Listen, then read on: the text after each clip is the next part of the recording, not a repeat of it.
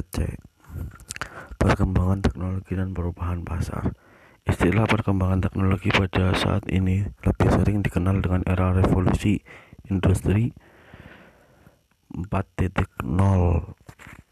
atau 4.0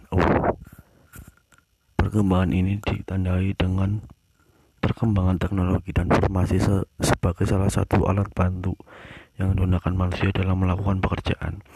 Perkembangan di industri sudah dimulai sejak perkembangan era revolusi industri 1.0 sampai dengan saat ini yang masih berada pada era revolusi industri 4.0 pada Januari 2019.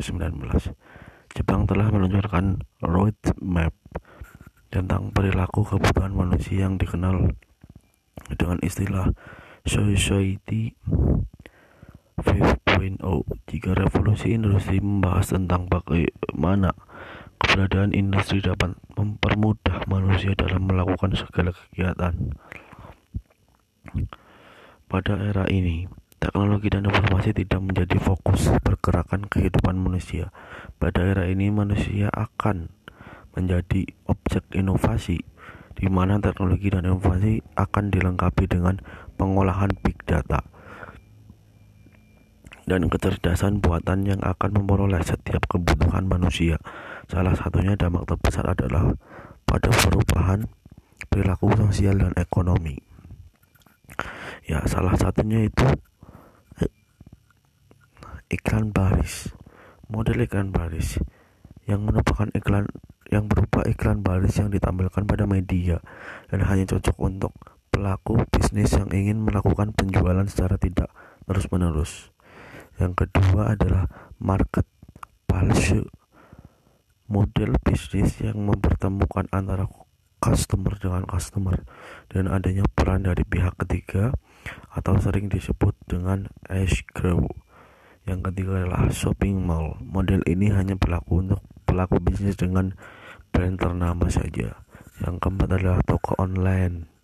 Model bisnis ini sangat sederhana dengan hanya adanya penjual dan mempromosikan barang dagangannya melalui website dan menjualnya sendiri secara online. Yang kelima adalah toko online media sosial. Model bisnis ini lebih memanfaatkan peran media sosial menjadi media mempromosikan produk.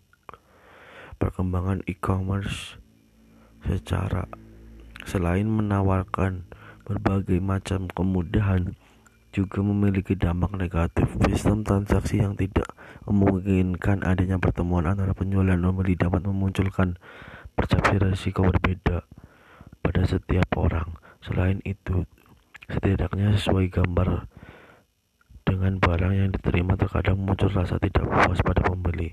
Namun masyarakat ekonomi saat ini lebih menebankan kemudahan bertransaksi dengan e-commerce dan daripada mempertimbangkan kerugian yang akan ditanggung.